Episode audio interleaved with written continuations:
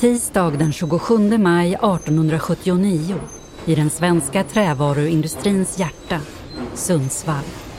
De stora ångsågarna slamrar, ryter och gnisslar, precis som de brukar. Men så plötsligt stängs de av och tystnar, den ena efter den andra. Och arbetarna släpper vad de har för händerna, lämnar såghus och brädgårdar och förenar sig med den växande kolonnen som marscherar från såg till såg. Vid lunchtid går arbetartåget österut längs Storgatan genom Sundsvalls kärna. Flera hundra är de, sågverksarbetarna. Snart flera tusen. De går tysta, sammanbitna, klädda i arbetsskjortor, västar, filthattar och kepsar. I spetsen bär någon en svensk fana och inne i tåget har man satt tre näsdukar i olika färger på uppsträckta träkäppar. Några av stadens invånare tittar nyfiket på. Andra känner rädslan komma krypande och skyndar in på tvärgatorna. Vad är det de egentligen har för sig, sågverksarbetarna? Har den tjänande klassen gjort uppror? Kommer det bli våldsamt? Larmet har redan gått. Ett telegram har skickats till landshövdingen med den sensationella nyheten att en stor strejk har brutit ut i Sundsvall. Strejk är ett ord som knappt finns i svenskan än. Det kommer från engelskan strike och så uttalas det ofta. Eller som det stavas, strike. För det här är ett rätt nytt fenomen, i alla fall i Sverige. Visst har det förekommit spridda strejker förut, men aldrig med 5 000 arbetare. Det här är berättelsen om Sundsvallsstrejken.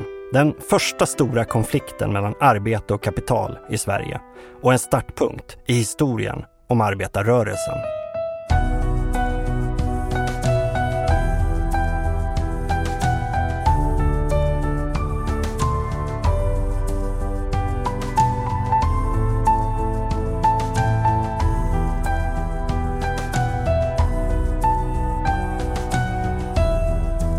Du lyssnar på Vi bygger landet, en podcast om arbetarrörelsens historia med Kent Werne. Podden produceras av Stray Dog Studios på uppdrag av LO och i samarbete med arbetarrörelsens arkiv och bibliotek. Vad ville de egentligen uppnå? Sågverksarbetarna som marscherade genom Sundsvall den där tisdagen i slutet av maj för snart 150 år sedan. Vad hade de för krav? De ville uppnå en återgång till föregående års löner. Det var det viktiga kravet. Det här är författaren Vibeke Olsson som i sina romaner om arbetarkvinnan Bricken på Svartvik skildrar just Sundsvallsstrejken och dess följder. Sen krävde man också att de som hade lett strejken inte skulle spåras upp. Och sen krävde man att krogarna skulle stänga. Och om detta inte var möjligt så åtminstone på söndagar. Alltså rätt blygsamma krav kan man tycka så här i efterhand. Men på den tiden var själva strejken i sig fullt tillräcklig för att vålla panik och väcka ont blod. Åtminstone bland kapitalägare, myndigheter och politiska makthavare. Det vill säga den överhet som satt på makten. För Sverige var ännu långt ifrån en demokrati. Bara 5% av befolkningen hade rösträtt till riksdagen. Främst höginkomsttagare och förmöget folk och bara män. Och kungen, Oscar II, hade en betydande makt. Och överheten, eller överklassen som man skulle säga idag, bestämde sig för att sätta stopp för arbetarnas upptåg. Landshövdingen kallade dit militären och kungen skickade tusen soldater och sex kanonbåtar till Sundsvall. Så arbetarna hade helt klart oddsen emot sig. Och de skulle också förlora, åtminstone på kort sikt.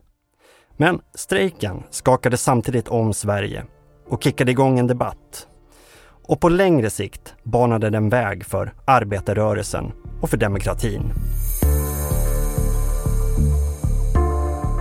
Men hur började egentligen strejken? Vad var det som utlöste den och vad var det för tid och samhälle den ägde rum i? Vi ska resa tillbaks till 1870-talets Sundsvall. Till en växande, bolmande, slamrande stad vid Norrlandskusten. Ja, det var ju en stad som växte explosionsartat. Alltså befolkningen i de här sågverkssocknarna, Sjön och Njurunda och Alnö, fyrdubblades på ett par decennier. Och Sundsvall kallades för Sveriges Chicago och Sveriges San Francisco. Därför att det drog till sig alla möjliga människor. Och med alla de olika eh, sociala problem som det naturligtvis också förde med sig. Men den stora tillväxten det var ju de här sågverkssamhällena, lastageplatserna som man kallade dem på den tiden. Och det här var ju den första storindustrin så det drog ju till sig massor med människor. Mellan Ljungans och Indalsälvens utlopp, det var norra Europas mest industriexploaterade område och världens största sågverksdistrikt. Det var inte bara Sundsvall som förändrades. Sverige höll på att omvandlas från ett bondesamhälle till en kapitalistisk industrination. Det handlade om järn och stål, men också om trävaror. Sånt som kunde exporteras. Länder som England skrek efter virke och i norra Sverige fanns det stora skogar som bara väntade på att sågas upp och säljas. Först sågades stockarna vid mindre vattensågar nära avverkningsplatserna. Men snart så byggdes det ångdrivna sågar längs Norrlandskusten dit timret flottades via de stora älvarna. Inte minst till Sundsvall, där den första ångsågen byggdes 1849. Under 1860 och 70-talet tog det rejäl skjuts. Och 1879, alltså året för Sundsvallsstrejken, fanns det 23 sågverk längs den fyra mil korta kustremsan mellan Ljungans och Indalsälvens utlopp.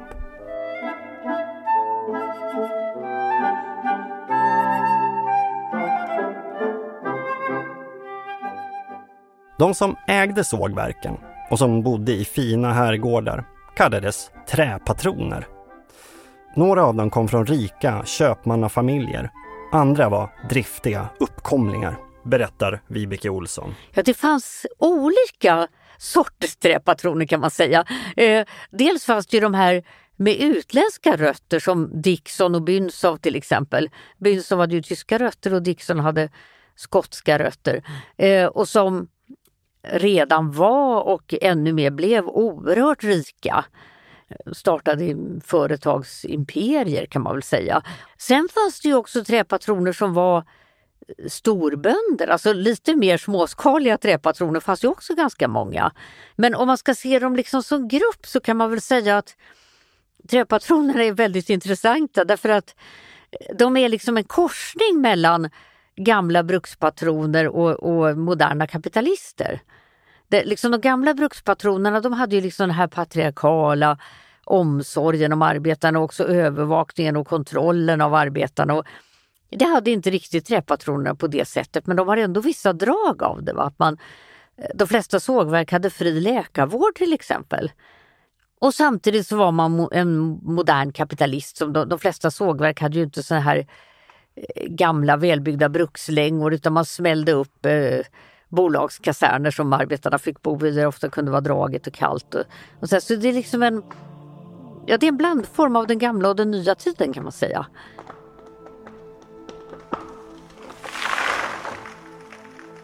Den expanderande sågverksindustrin behövde förstås timmer. Och det blev verkligen huggsexa på Norrlands orörda storskogar. Träpatronerna och deras representanter for runt i bygderna och köpte skog och avverkningsrätter av bönderna, ofta till låga priser. Och många bönder kände sig snart grundlurade när de tidigare ganska värdelösa skogarna visade sig bli rena guldgruvor för sågverksägarna.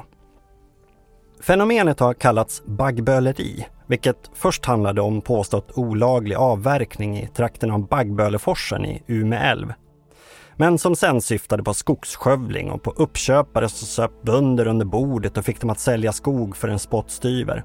Det där sista förekom säkert, men mycket verkar också vara myter. Vad man säkert kan säga är i alla fall att skogarna exploaterades, att trävaruindustrin växte explosionsartat och att träpatronerna blev stormrika. Men skogen förvandlades inte till enorma vinster av sig själv Nej, det krävdes arbetskraft. Mellan 50 och 500 arbetare på varje sågverk. Och lämpligt nog fanns det gott om folk som sökte jobb. Sveriges befolkning nästan fördubblades mellan år 1800 och 1880. Och samtidigt ökade fattigdomen. Och det uppstod en växande skara jordlösa som tvingades söka arbete på annat håll. De proletariserades. Och många drogs till den framväxande trävaruindustrin, till sågverken runt Sundsvall. Vibeke Olsson igen. Dels var det ju de här som alltid har funnits, så att säga, de egendomslösa på landsbygden, som nu fick liksom en ny möjlighet att skaffa sig ett liv och inte vara pigor och drängar hela sitt liv så att säga. Och sen var det ju bönder som hamnade på obestånd. Och det var många som gjorde 1867-68. För då var ju de här storsvagåren den sista stora svältkatastrofen i Sverige då människor dukade under längs vägarna. Och, eh, och sen var det naturligtvis också människor som var lite äventyrliga liksom och ville pröva något nytt. De kom från hela Sverige, men också från Norge och Finland. Och de kom ofta till Sundsvall i båtar som styrde in mot fjärden, förbi sågverken. Då möttes man först av dem ett dis av rök från pannhusen och från alla kolmilor. Man hade ju träkolsproduktion också på sågverken så det låg ett dis av rök längs hela kusten. Och sen möttes man av de enorma timmermagasinen, de enorma timmerbommarna där stockarna låg och väntade. Och sen nere vid stranden då så låg uppfordringsverken till såghuset. Och så strax bakom då så låg pannhuset med sin rök och så hörde man den här eviga maskinsången. Var det på sommaren så var det ju skiftgång och sågen gick dygnet runt. Och sen så var de här enorma brädgårdarna med stabbar höga som fyra och femvåningshus. Och så kolbacken med sina milor. Och sen låg herrgården i sin lummiga park en bit upp i backen och sen så arbetarkasernerna upp i backarna och lite runt omkring och ofta rökåkar. Och fick man jobb på sågen var det ofta som säsongsarbetare eller lösarbetare som det kallades. Särskilt om man kom under sommarhalvåret. Bara en tredjedel av sågverksarbetarna hade fast anställning och bodde med sina familjer i bolagskasernerna. Men även för dem var förhållandena minst sagt tuffa. Ja, arbetsvillkoren var ju 12 timmars arbetsdag och oftast koftande som man sa, alltså övertidsarbete. Och eh, de flesta arbeten var ju oerhört tunga kroppsarbeten. Det hårdaste man kunde bli det var ju att bli plankbärare, stabbläggare. Man bar de sågade plankorna på axeln med en sån här puta som, som man sa, eh, upp på de höga stabbarna. Det var oerhört tungt. Och sen så kunde man bli sågare. Då började man ju ofta som hjälpsågare. Och så kunde man avancera till sågare och samma då med kantare och hjälpkantare. Eh, och det här var ju de liksom yrkesskickligaste arbetarna. Eh, sen så kunde man vara bomvakt eh, och liksom ansvara för timmerbommen och ta emot bogserbåtar när de kom i timmersläpen. Och, och sen så fanns det ju såna här yrken som barn och kvinnor ofta hade. Man kunde vara ribbkapare, alltså ribben som blev över vid kantverket, den kapades och dels så körde man det till kolbacken och till milorna och dels använde man till att lägga strö. Man la ju strö i stabbarna för att det skulle torka, liksom mellanlager. 12 timmars arbetsdag alltså, plus två matraster. Sex dagar i veckan. Ändå hade man uselt betalt, åtminstone sett med vår tids ögon. På 1870-talet kunde de bäst betalda sågverksarbetarna tjäna uppåt 900 kronor om året, medan andra tjänade mindre än hälften av det. Snittet verkar ha legat på runt 650 kronor om året. Det är svårt att jämföra löner över tid, men om man ser till hur penningvärdet har förändrats så skulle det motsvara en årslön på drygt 40 000 kronor idag. Alltså en årslön. En sak är i alla fall säker. Pengarna räckte inte till något lyxliv. Man bodde trångt, ofta en hel familj i ett rum med spis. Maten var enformig med bröd, gröt, salt sill, salt fläsk, mjölk och svagdricka, i bästa fall. För pengarna räckte sällan till allt. Många barn tvingades arbeta för att familjen skulle överleva. Barnarbete var vanligt, lagligt och inte särskilt märkligt på den här tiden. Men barn tjänade förstås sämre än vuxna män, vilket utnyttjades av företagen. Ja, även vuxna utnyttjades förstås. Det var ju så att säga kapitalismens barndom. Man hade ännu inte satt något betsel och grimma på kapitalismen utan det var ju en rå marknad och likaså det här med, eh, med ackord då. När du var ung och frisk och stark så kunde du tjäna mycket. Och barn och, och äldre fick liksom hanka sig fram med lägre löner. Man får komma ihåg att det inte fanns några fackföreningar, inga kollektivavtal och ingen arbetsrätt på den här tiden. På 1870-talet var arbetarna helt utlämnade åt bolagens godtycke. Och arbetsgivarna ville förstås inte betala mer än nödvändigt. Och eftersom arbetarna konkurrerade med varandra om jobben fick de acceptera de löner som erbjöds. Det var helt enkelt kapitalet som hade makten och dikterade villkoren. Det fanns i och för sig en sak som arbetarna kunde göra. De kunde lägga ner arbetet och göra det samtidigt och tillsammans. De kunde med andra ord strejka och på så sätt försöka pressa arbetsgivarna att gå med på bättre villkor. Men även det var svårt. För det fanns ju inga fackliga organisationer och inga strejkkassor. Och eftersom arbetarna saknade politisk makt så hade man inget stöd av staten. Så det satt nog rätt långt inne. Och strejker var inte heller särskilt vanliga. Det hade förekommit några strejker i Sverige, men de var små och kortvariga. Dessutom bröt strejktanken mot den rådande ideologin. De väldiga klyftorna, uppdelningen mellan överklass och underklass, mellan bättre och sämre folk som det hette, sågs som en naturlig och gudagiven ordning. För vanliga arbetare gällde det att underordna sig, att acceptera sin lott och lyda överheten.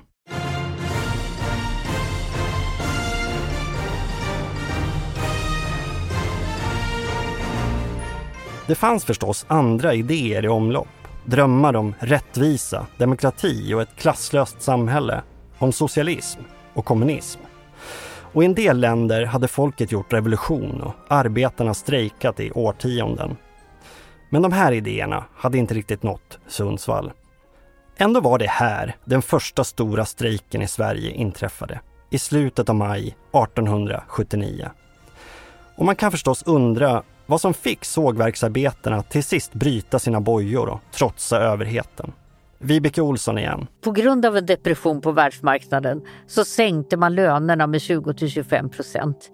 Eh, och det här var ju en katastrof för många därför att hela livsformen på sågverken byggde liksom på att under våren och, och sommaren och tidiga hösten skulle man kunna tjäna pengar så att man kunde betala föregående vinters skuld i handelsboden och så skulle man kunna lägga upp en buffert för nästa vinter och det här slogs ju liksom undan då. Och sen så var det så att träpatronerna fick ett lån av riksdagen på 3 miljoner kronor och det var ju jättemycket pengar på den tiden. För att de skulle klara depressionen och inte behöva gå i konkurs och sådär.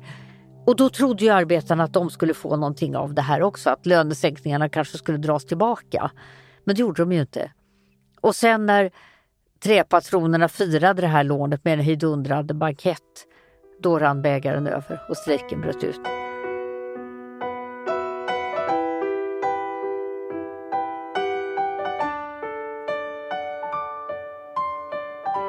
Mitten av maj 1879.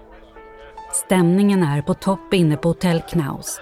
Långbordet är dukat med finporslin och uppläggningsfaten dignar av tidens finaste delikatesser. Träpatronerna runt bordet smörjer kråset och dricker sig allt mer berusade. De håller hyllningstal, hurrar och skålar. För nu har hjälpen äntligen kommit. Nu kan de rida ut stormen. Efter några goda år är det nämligen kris på trävarumarknaden med minskad efterfrågan, fallande priser och sinande inkomster. Vinsten är i fara och aktieutdelningarna. Och det har varnats för konkurser. Därför har patronerna enats om att sänka arbetarnas löner med 20 25 procent jämfört med året innan. Men nu har Sveriges riksdag beviljat ett stödlån på 3 miljoner kronor. En rejäl summa som motsvarar nästan hela den årliga lönekostnaden för traktens 6 000 sågverksarbetare. Och därmed är krisen avvärjd. Träpatronerna har däremot inga planer på att höja lönerna. Istället fyller man på bolagens kassakistor och sina egna fickor och firar alltihop med en riktig brakfest. Något som förstås sticker i ögonen på alla fattiga arbetarfamiljer. När de sista droskorna lämnar Knaust framåt morgontimmarna har nyheten om patronernas fylleslag redan nått sågverkssamhällena. Missnöjet jäser och bägaren rinner över. Och till sist bestämmer sig arbetarna för att gå till handling. Måndagen den 26 maj 1879, klockan åtta på morgonen, klev fyra brädgårdsarbetare in på kontoret vid Häfners sågverk. De begärde en återgång till 1878 års löner, men inspektor Gidlöv svarade att konjunkturen inte tillät någon höjning. Några timmar senare slutade ett hundratal Häfnersanställda arbeta och samlades vid en skogsbacke in till brädgården. En förvånad inspektor ställde ultimatum.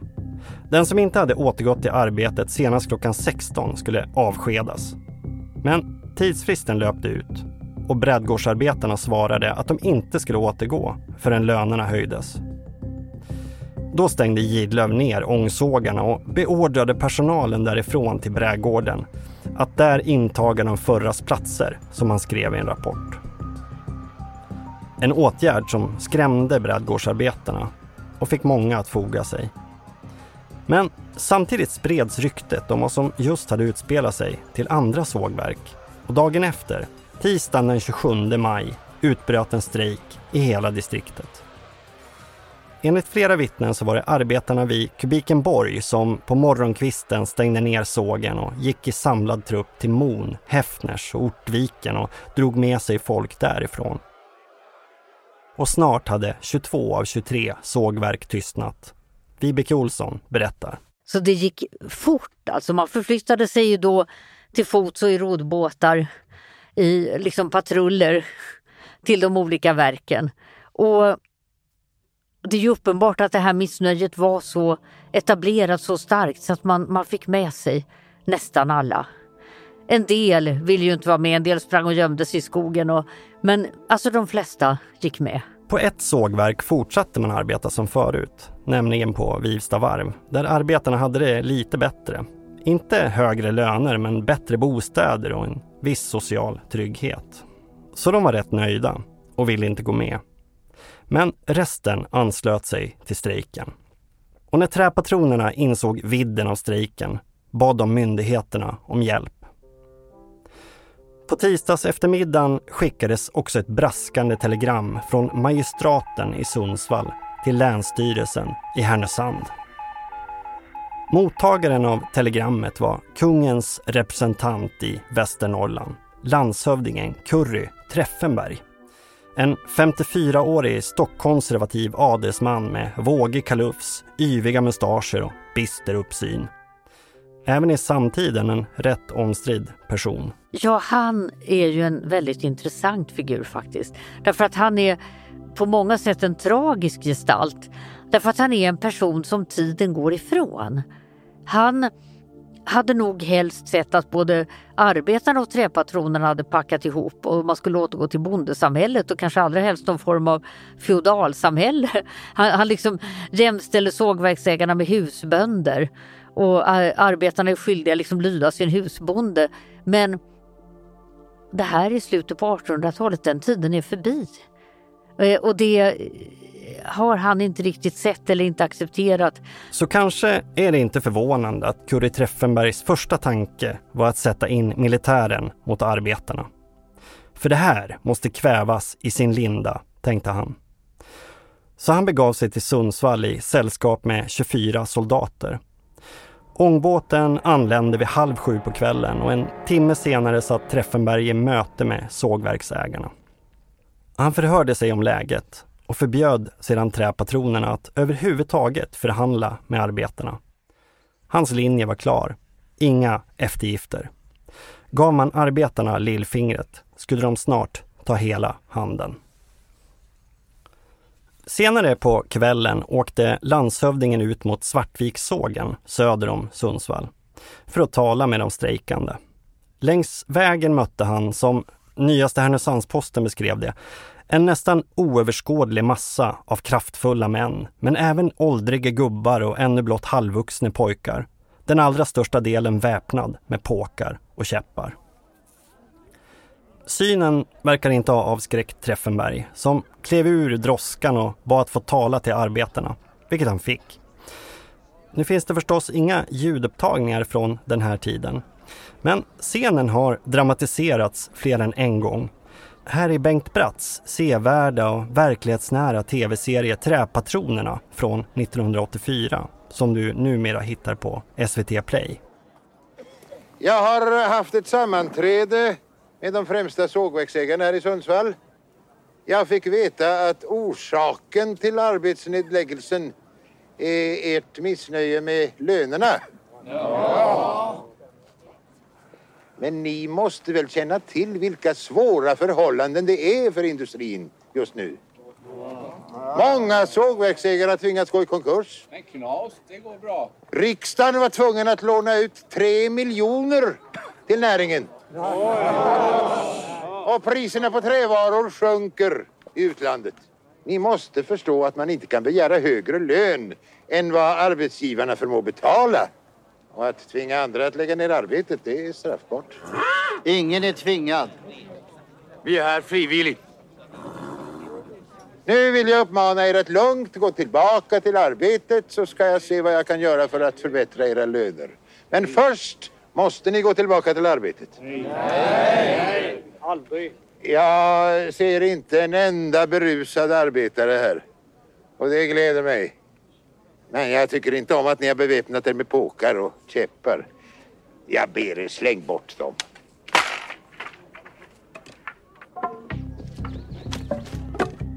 Arbetarna lydde den sista uppmaningen och slängde sina käppar.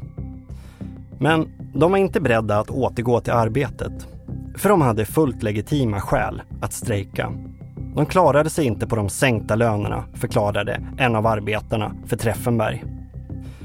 Arbetaren som hade talat klarspråk hette Isak Boström. En 28-årig frireligiös västerbottning som jobbade som eldare vid Stockviks sågverk. Han skulle gå till historien som en av strejkens tre förgrundsgestalter tillsammans med Andreas Backström och Johan Wickberg. Och det var Curry Treffenberg som såg till att just Isak Boström fick en ledarroll. För när landshövdingen bad sågverksarbetarna skicka några representanter till ett möte med honom nästa morgon så knackade han 28-åringen på axeln och sa att vald eller inte vald så kommer Boström upp till mig på rådhuset imorgon klockan 10. Det gjordes faktiskt en radiodokumentär 1937 där Ture Nerman intervjuade just Isak Boström, som då hunnit bli 86 år, om hans minnen från Sundsvallsstrejken. Och här berättar Boström själv om mötet med Treffenberg. Och vad svarade landshövdingen på Boströms tal? Han svarade just inte så mycket på talet utan han bad oss att vi skulle utse en deputation med två män från varje verk som skulle komma upp till honom på, på rosten då klockan tio dagen därpå. Och så vände han sig till mig och säger att Boström vald eller ovald så kommer med till denna kommitté. Blev herr Boström vald av kamraterna också? Jaha, på natten satte de ju till, valde ombuden ifrån varje verk och så satte de mig till ordförande för den där deputationen. Isak Boström och ett tjugotal andra representanter begav sig till rådhuset på onsdagsmorgonen den 28 maj och framförde arbetarnas tre krav. En återgång till föregående sommars lönenivå. Arbetsgivarna skulle inte få söka efter strejkens upphovsmän eller straffa dem och att krogarna i Sundsvall skulle förbjudas för gott eller åtminstone hålla stängt på söndagarna. Knappast några stora anspråk alltså. Ändå blev det kalla handen. Treffenberg uppmanade dem än en gång att avbryta strejken och genast återgå till sina arbeten. Och det föll på Boströms lott att framföra beskedet till kamraterna. Var, var det Boström som framförde ordern att de skulle skingras? Ja, de måste ju frambära ordern då från resultatet av rosten. Och det- Fanns de på skarpskyttelägret då just? Ja. Hur tog de emot ordern? Ja, det var bestämt nej det. Nej, de strejkande var inte beredda att skingras.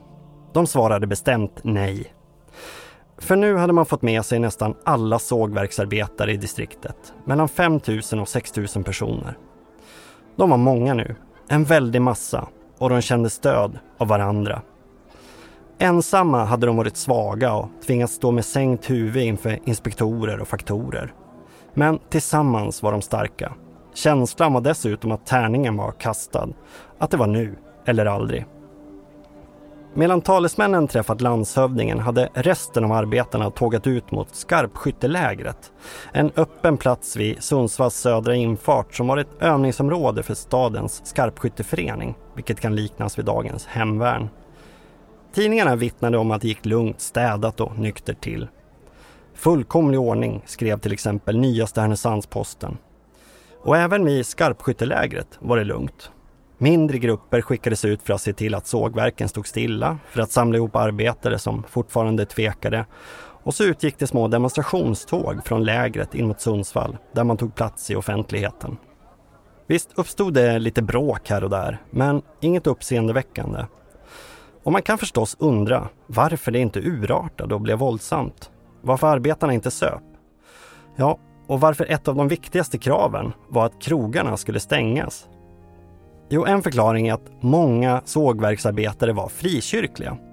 De tillhörde baptistsamfundet, missionsföreningen eller någon annan församling. Isak Boström var till exempel Waldenströmmare, byggde kapell, läste böcker och ledde en kör på fritiden. Och så övade han sig i demokrati, i folkrörelsearbete. För frikyrkorörelsen var den första folkrörelsen i Sverige. Ja, lite av demokratins vagga, menar Vibeke Olsson.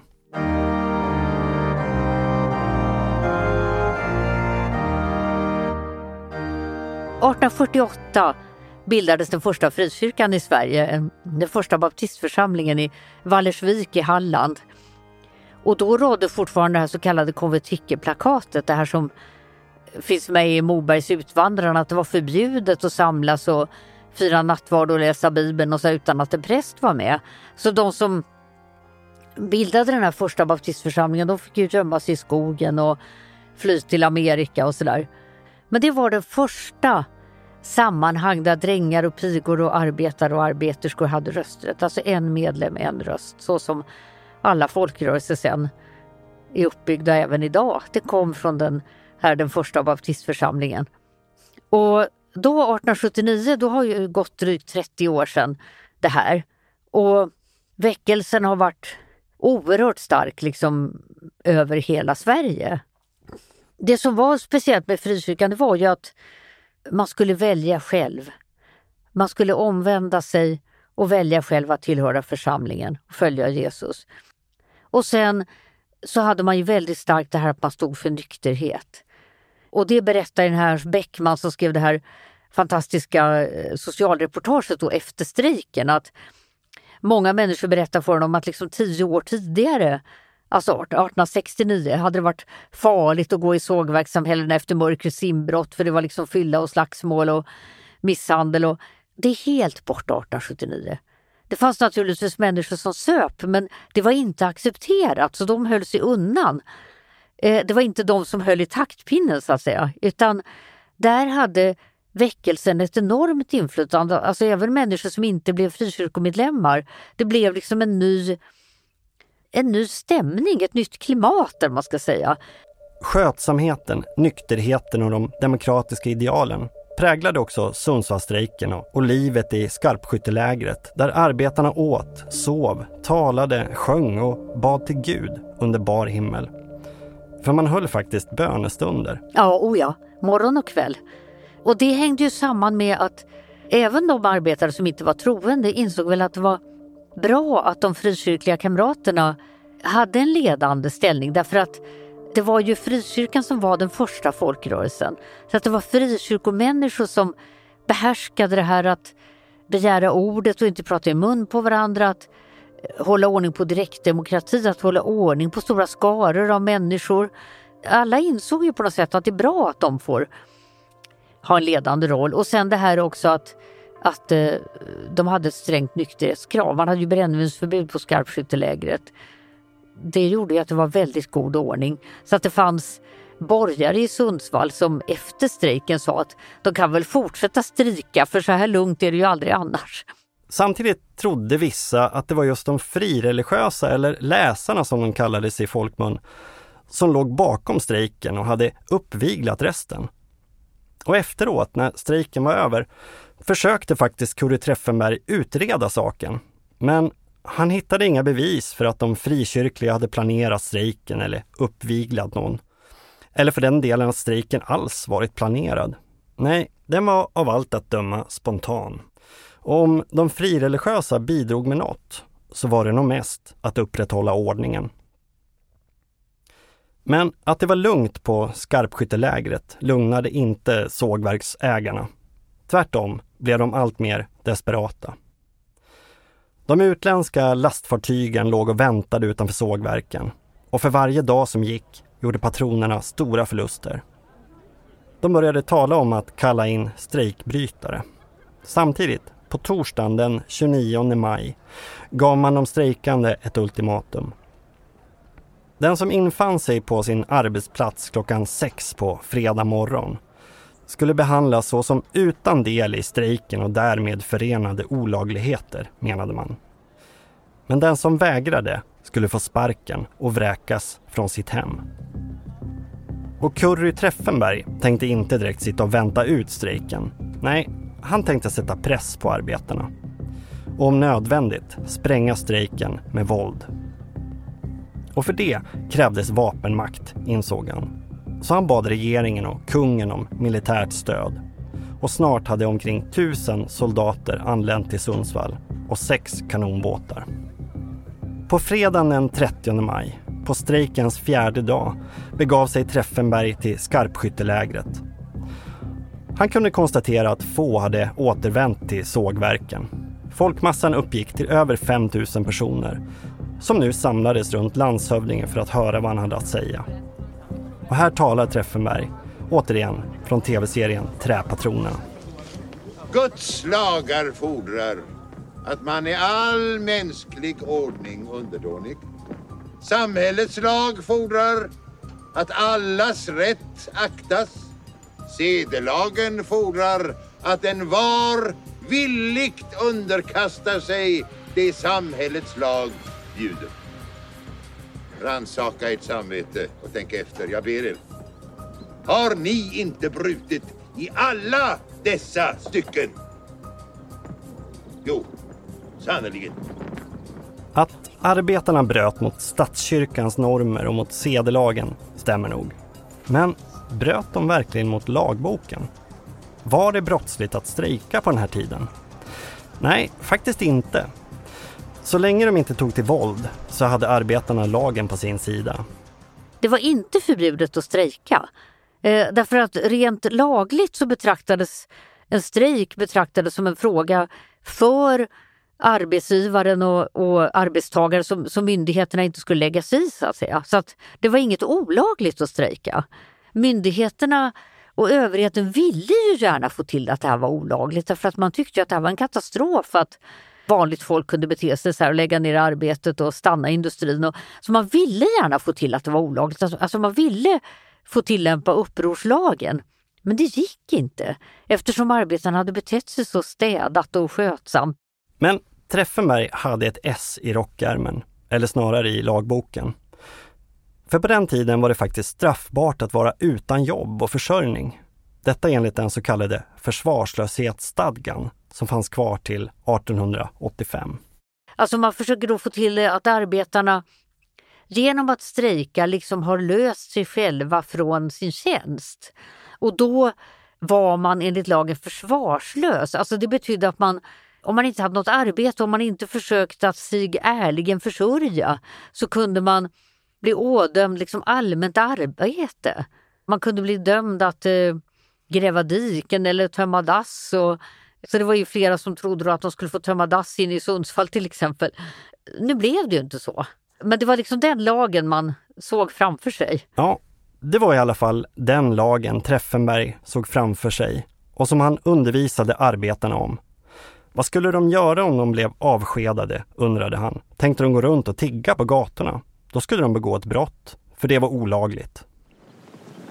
Här står jag nu ensam och ber er för sista gången.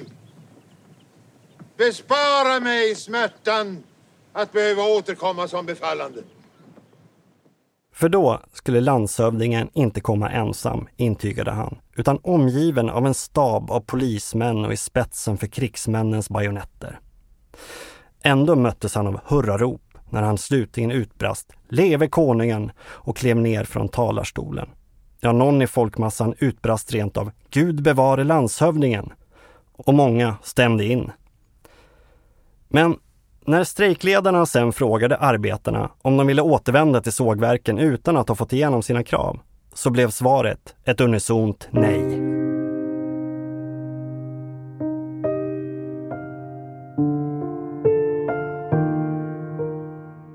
Ändå var det nu som många började vackla.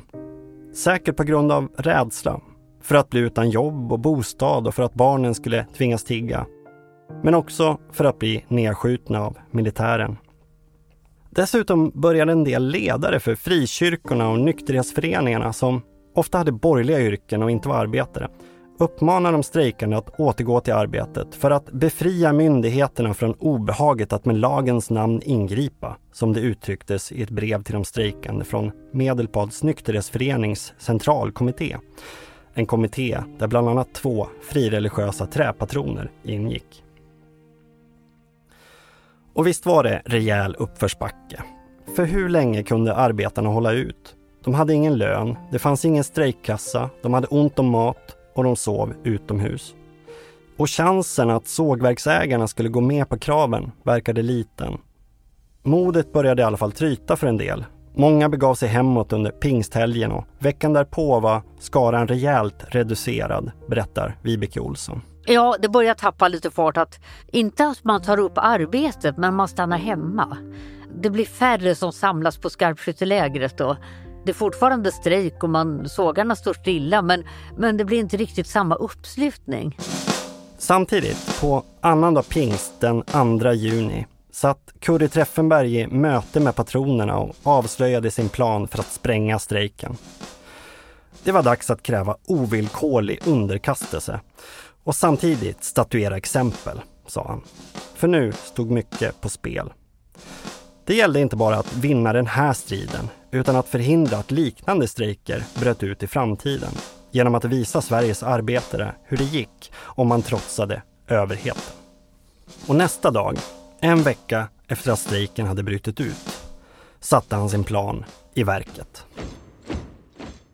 Tisdag den 3 juni 1879 500 soldater med påskruvade bajonetter marscherar mot skarpskyttelägret och omringar de 1500 arbetare som fortfarande är där.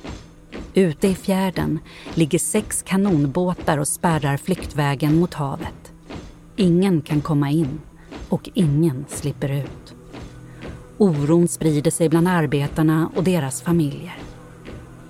Klockan halv två anländer landshövdingen i sällskap med Sundsvalls makthavare och sågverksägare. Treffenberg kliver upp i talarstolen och skanderar att det vänliga överseendets tid nu är förbi. Att det är dags att göra lagens makt gällande och att den som gör motstånd kommer att nedstickas och nedskjutas. Jag försäkrar er att idag är det slut med ert lösaktige leverne säger landshövdingen och spänner blicken i de samlade arbetarna. Fast det vill han inte längre kalla dem. I hans ögon har de förverkat sin rätt att bruka denna hederstitel, som han säger. Han förklarar att alla som saknar jobb egen bostad eller tillgångar hädanefter kommer att ses som lösdrivare, som försvarslösa och dömas till allmänt tvångsarbete. Och snart kommer förhören inledas. En efter en ska de ställas till svars för sina brott mot Gud, konungen och Svea rikes lag. Förhören drar ut på tiden och så börjar det regna. Hela kvällen och hela natten vräker det ner. Som om himlens slussar öppnats. Som om Gud Fader själv visar sitt missnöje. Men med vem är Gud i så fall missnöjd? Med arbetarna eller makthavarna?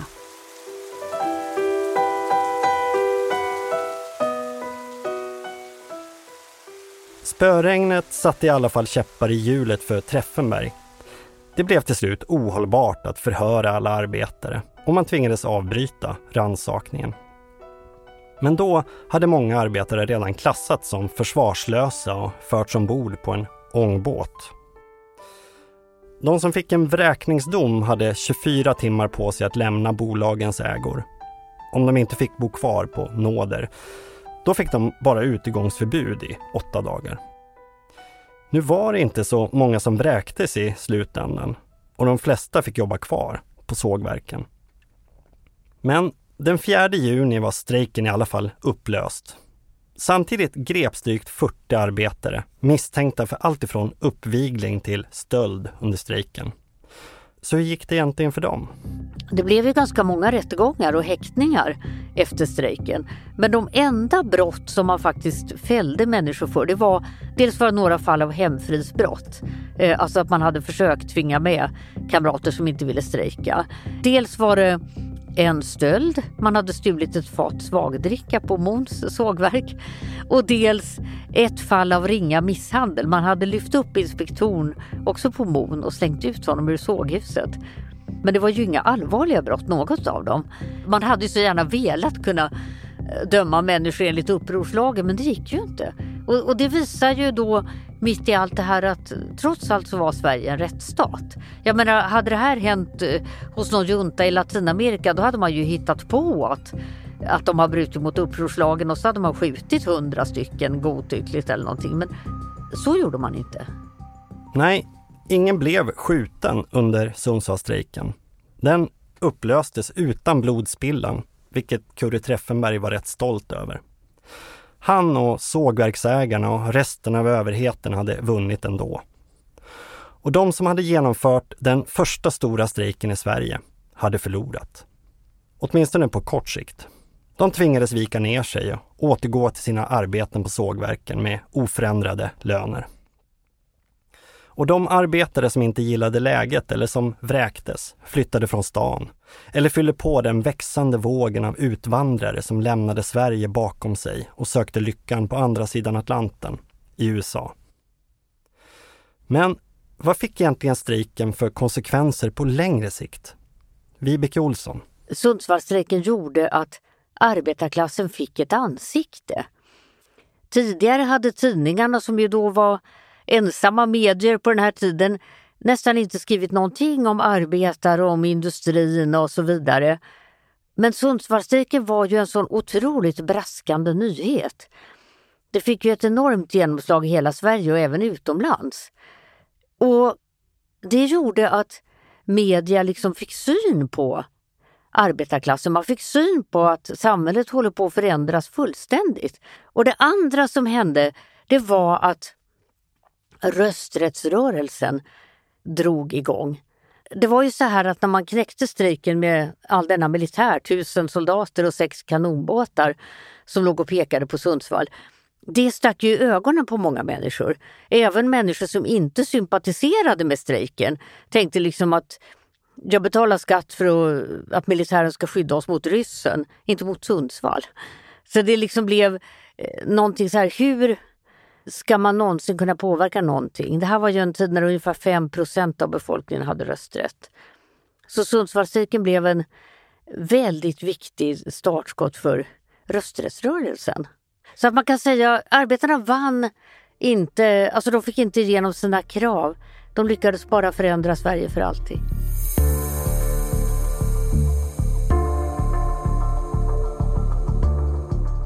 Samtidigt brukar Sundsvallsstrejken ses som startskottet för arbetarrörelsen.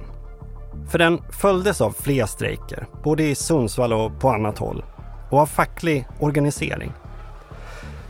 För en viktig lärdom var att spontana, oorganiserade strejker hade små chanser att lyckas. Om arbetarna skulle kunna förändra något måste de organisera sig.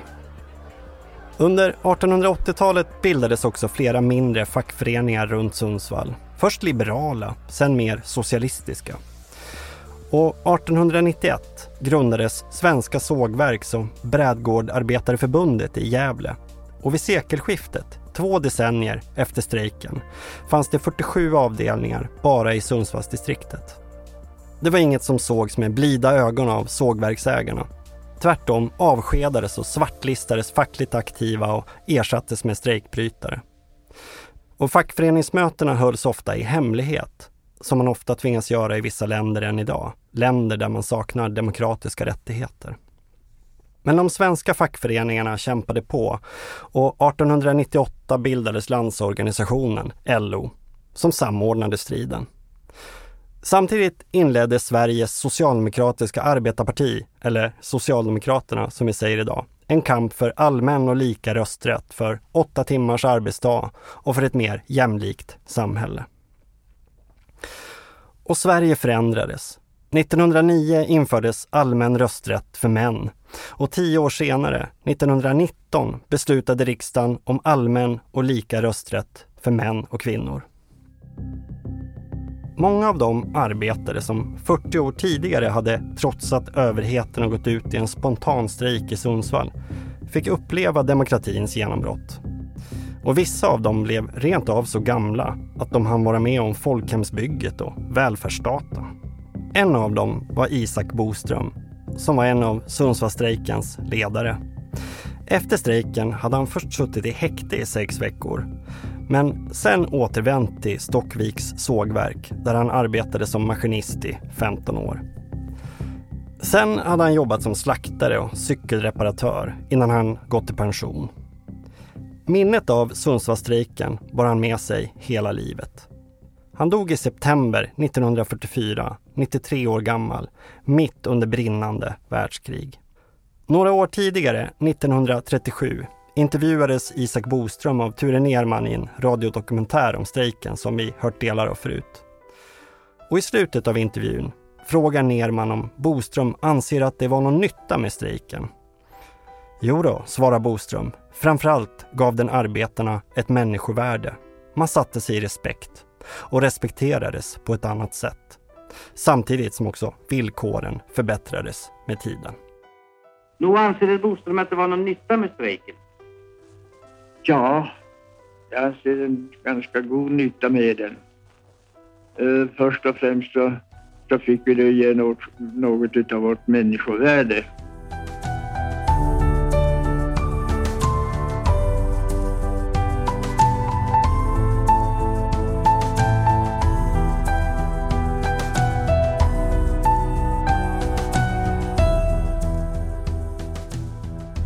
Du har lyssnat på vi bygger landet. En podcast om arbetarrörelsens historia. Research och manus Kent Werne. Dramatisk röst Filomen Grandin. Inspelat, redigerat, ljudlagt och mixat av Jens Back i Stray Dog Studios. Podden produceras på uppdrag av LO och i samarbete med arbetarrörelsens arkiv och bibliotek. Du hittar fler avsnitt i serien på LOs hemsida eller där poddar finns.